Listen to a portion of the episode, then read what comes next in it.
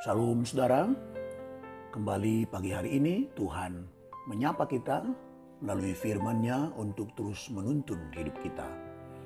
Amsal 13 ayat 20 berkata, siapa bergaul dengan orang bijak menjadi bijak, tetapi siapa berteman dengan orang bebal menjadi malang. Ini adalah satu didikan Tuhan kepada kita anak-anaknya. Tentu tujuannya agar kita menjadi bijak. Saudaraku dalam mendidik Allah tidak pernah mengambil alih seluruh hidup kita atau mengambil alih kehendak kita seolah-olah kita seperti robot yang di setel begitu saja. Tidak saudaraku. Tapi kita sendirilah yang memutuskan apa yang hendak kita lakukan. Hendak menjadi apa kita? Kita yang menentukan saudaraku. Kita lah yang memutuskan hendak mewarnai jiwa kita seperti apa.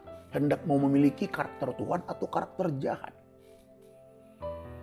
Saudara, Mari kita putuskan agar kita menjadi bijak. Seorang yang bijak itu adalah seorang yang cakap memilih atau memutuskan apa yang terbaik bagi dirinya. Tentu sesuai dengan firman Tuhan. Dia tidak akan memilih yang mencelakai dirinya atau yang menghancurkan dirinya. Seorang yang bijak itu bukan hanya memikirkan hidupnya di bumi ini saja, tapi juga ia memikirkan ya, peduli terhadap hidupnya di balik kehidupan yang sekarang ini, Saudaraku. Jadi adalah satu keputusan bijak kalau kita mengikuti didikan Tuhan ini, saudaraku. Nah, jadi bagaimana sekarang, saudara? Nah, bergaullah dengan orang bijak agar kita menjadi bijak. Bergaul di sini maksudnya hidup bersama atau berteman erat. Bukan kita menolak orang lain, bukan kita tidak mau berkenalan dengan orang lain, tapi kita tidak orang lain yang jahat maksudnya, tetapi kita tidak berteman erat dengan mereka. Kita tidak hidup bersama dengan memberikan banyak waktu, pikiran, perasaan dengan mereka, saudaraku.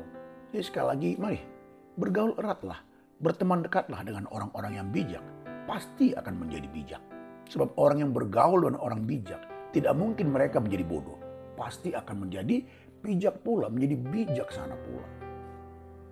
Misalnya saudara ya, seorang yang hidup bersama, seorang yang hidup dekat dengan pendaki gunung, hidupnya pasti akan dipengaruhi orang yang bersama dengan dia itu sebagai pendaki gunung. Maka cara berpikir pendaki gunung, cara berpakaian pendaki gunung, cara berkata-kata seorang pendaki gunung pasti akan mewarnai kita saudara. Kalau kita bergaul dengan uh, musisi, rock, klasik, dan lain sebagainya, pasti kita juga akan dipengaruhi oleh mereka. Cara berpikir mereka, cara berpakaian mereka, cara berkata-kata. Nah, kalau kita bergaul dengan orang yang rohani, orang yang takut Tuhan, maka kita pun akan diwarnai, saudaraku. Dan tentu yang paling mewarnai kita itu adalah ketika kita bergaul dengan Tuhan, saudaraku. Seorang filsuf pun berkata, seseorang adalah apa yang dia baca. Jadi apa yang kita baca itu akan mewarnai pikiran kita. Berarti filsuf ini sedang mengatakan kepada kita, ketika kita bergaul dengan buku, apa isi buku tersebut itu akan mewarnai pikiran kita. Kalau kita membaca buku-buku yang tidak benar, buku-buku yang kurang baik, buku-buku yang idenya bisa melahirkan hal-hal yang jahat, maka akan melahirkan pikiran-pikiran jahat, saudaraku. Maka lambat laun ya akan melahirkan tindakan yang jahat pula, saudara.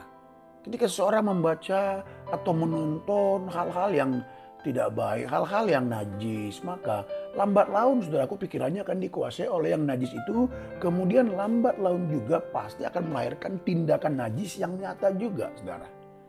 Nah, makanya tidak heran bisa timbul pemerkosaan, bisa timbul pembunuhan, bisa timbul perselingkuhan. Itu karena mengizinkan dia bergaul dengan hal-hal yang buruk seperti itu. Saudaraku yang dikasih Tuhan.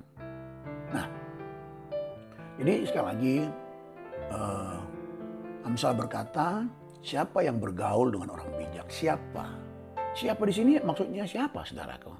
Siapa di sini menunjuk kepada setiap orang. Jadi siapa yang bergaul artinya setiap orang yang bergaul.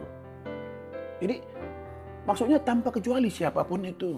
Seorang rohaniwan sekalipun yang sangat rohani ketika ia memberikan dirinya, memberikan perasaannya, memberikan waktunya bergaul dengan orang rusak, maka dia pun akan jadi rusak. Ketika dia bergaul dengan orang munafik, maka serohani apa pun, serohani apa pun orang tersebut akan tercemar. Karena itu Alkitab yang berkata, saudaraku. Tidak ada orang yang kebal.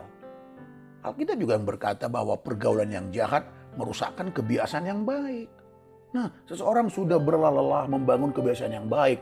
Begitu ia merubah pergaulannya dengan orang yang tidak baik, maka dia akan terpengaruh menjadi orang yang tidak baik, saudara.